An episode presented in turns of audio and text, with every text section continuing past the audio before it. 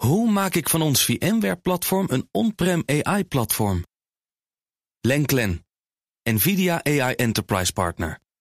Lenklen, betrokken expertise, gedreven innovaties. Tech Update. Jo van Buurik, goedemorgen. Dag Bas en Iwan. Ja, de, de openlijke ruzie tussen Zuckerberg en Musk is nu weer manifest geworden. Nu een bedrijf achter Facebook een alternatief presenteert voor Twitter. Ja, maar dit zit wel heel lang in de pijplijn, hè? Dat is Mhm. toch wel een ja, aaneenschakeling van woorden die ik eh, tien jaar geleden nooit had verwacht te horen. Toen Twitter en Facebook op hun eigen manier allebei hip en happening waren. Eh, nou ja, nu wisten we het onofficieel al even. Maar officieel is nu ook bekend. Aanstaande donderdag, Bas, 6 juli, komt Meta met Threads. De, Met ja, een D, hè? Ja. Met een D, Nee, inderdaad. Ja, en dat blij- gaat nog voor heel veel verwarringen en rare situaties zorgen. Mhm. Maar inderdaad, het Twitter-alternatief van het moederbedrijf van Facebook en Instagram en WhatsApp. Nou, je kan Threads nu al pre-orderen in de App Store op je iPhone. Tenminste, in de VS kun je daarvoor registreren. Want iemand probeert het net en het lukt nog niet helemaal, begreep ik. In Nederland, nee. Nee, precies. Eh, nadat hij afgelopen weekend trouwens ook al kort te zien was in Google Play, dus de App Store voor Android-telefoons. Eh, ja, daarin staat dus ook getoond en beschreven hoe die app werkt. Ja, sociaal netwerk, nadruk op tekstberichtjes. Eigenlijk gewoon net als is Twitter, maar dan Threads. precies. En je logt in met je Instagram-account. En het grote voordeel van die aanpak het is hartstikke slim, is dat je eigenlijk je installed base meeneemt. Dus al je volgers, alle mensen die je volgt, je hoeft je niet opnieuw op te bouwen. Gewoon hop over naar een app. Ga mee van Instagram. ja, precies. Die neem, ja, ze moeten natuurlijk dan ook wel zelf gaan Oh, gebruiken. Als je ze daar wil tegenkomen, als ik het goed begrijp. Maar je hoeft niet opnieuw een hele eh, volgelingen Nee. eh, toestand eh, op te En bouwen. ook geen blauwe vinkjes en moeilijke Nee, leasingen dat- betalen. Dat, en, wil zeggen, die heb je natuurlijk wel bij Instagram. Je kan Ja. een verified account hebben, maar het werkt allemaal niet zo ingewikkeld en duur als bij Twitter.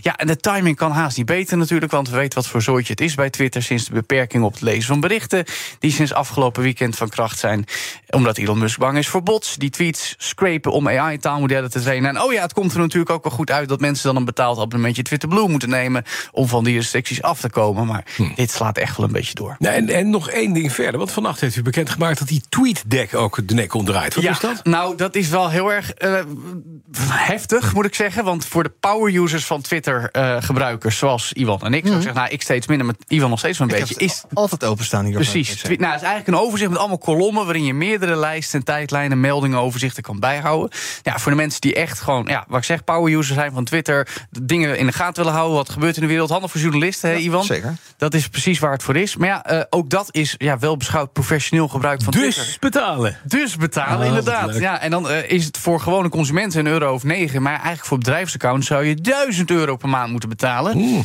Dus ja, maar goed. Eh TweetDeck kan nog 30 dagen wel gratis gebruikt worden. En dan denk je, nou, geniet er nog een maandje van.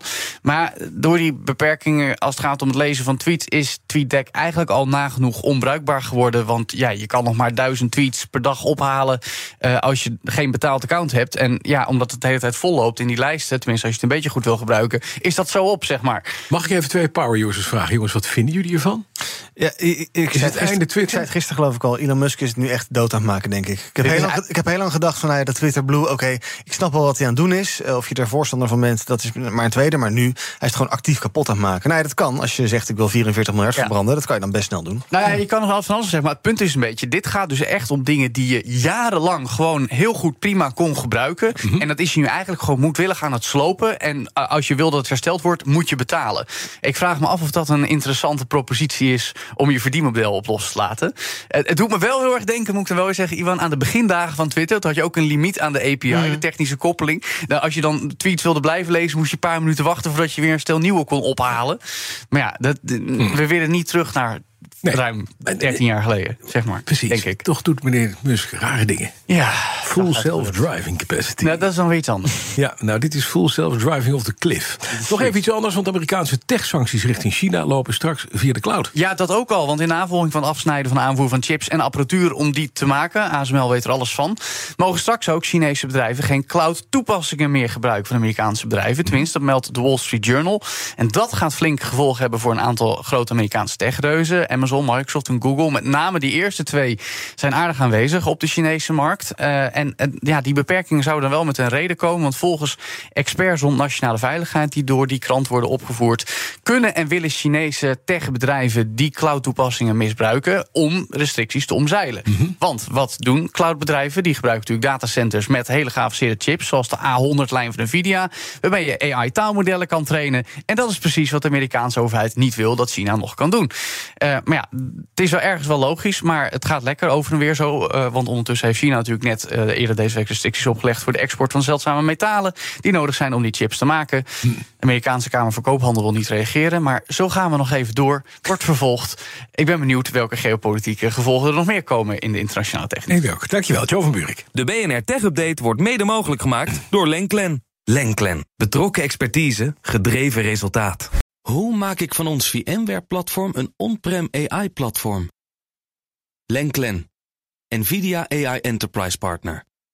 Lenklen. Betrokken expertise, gedreven innovaties.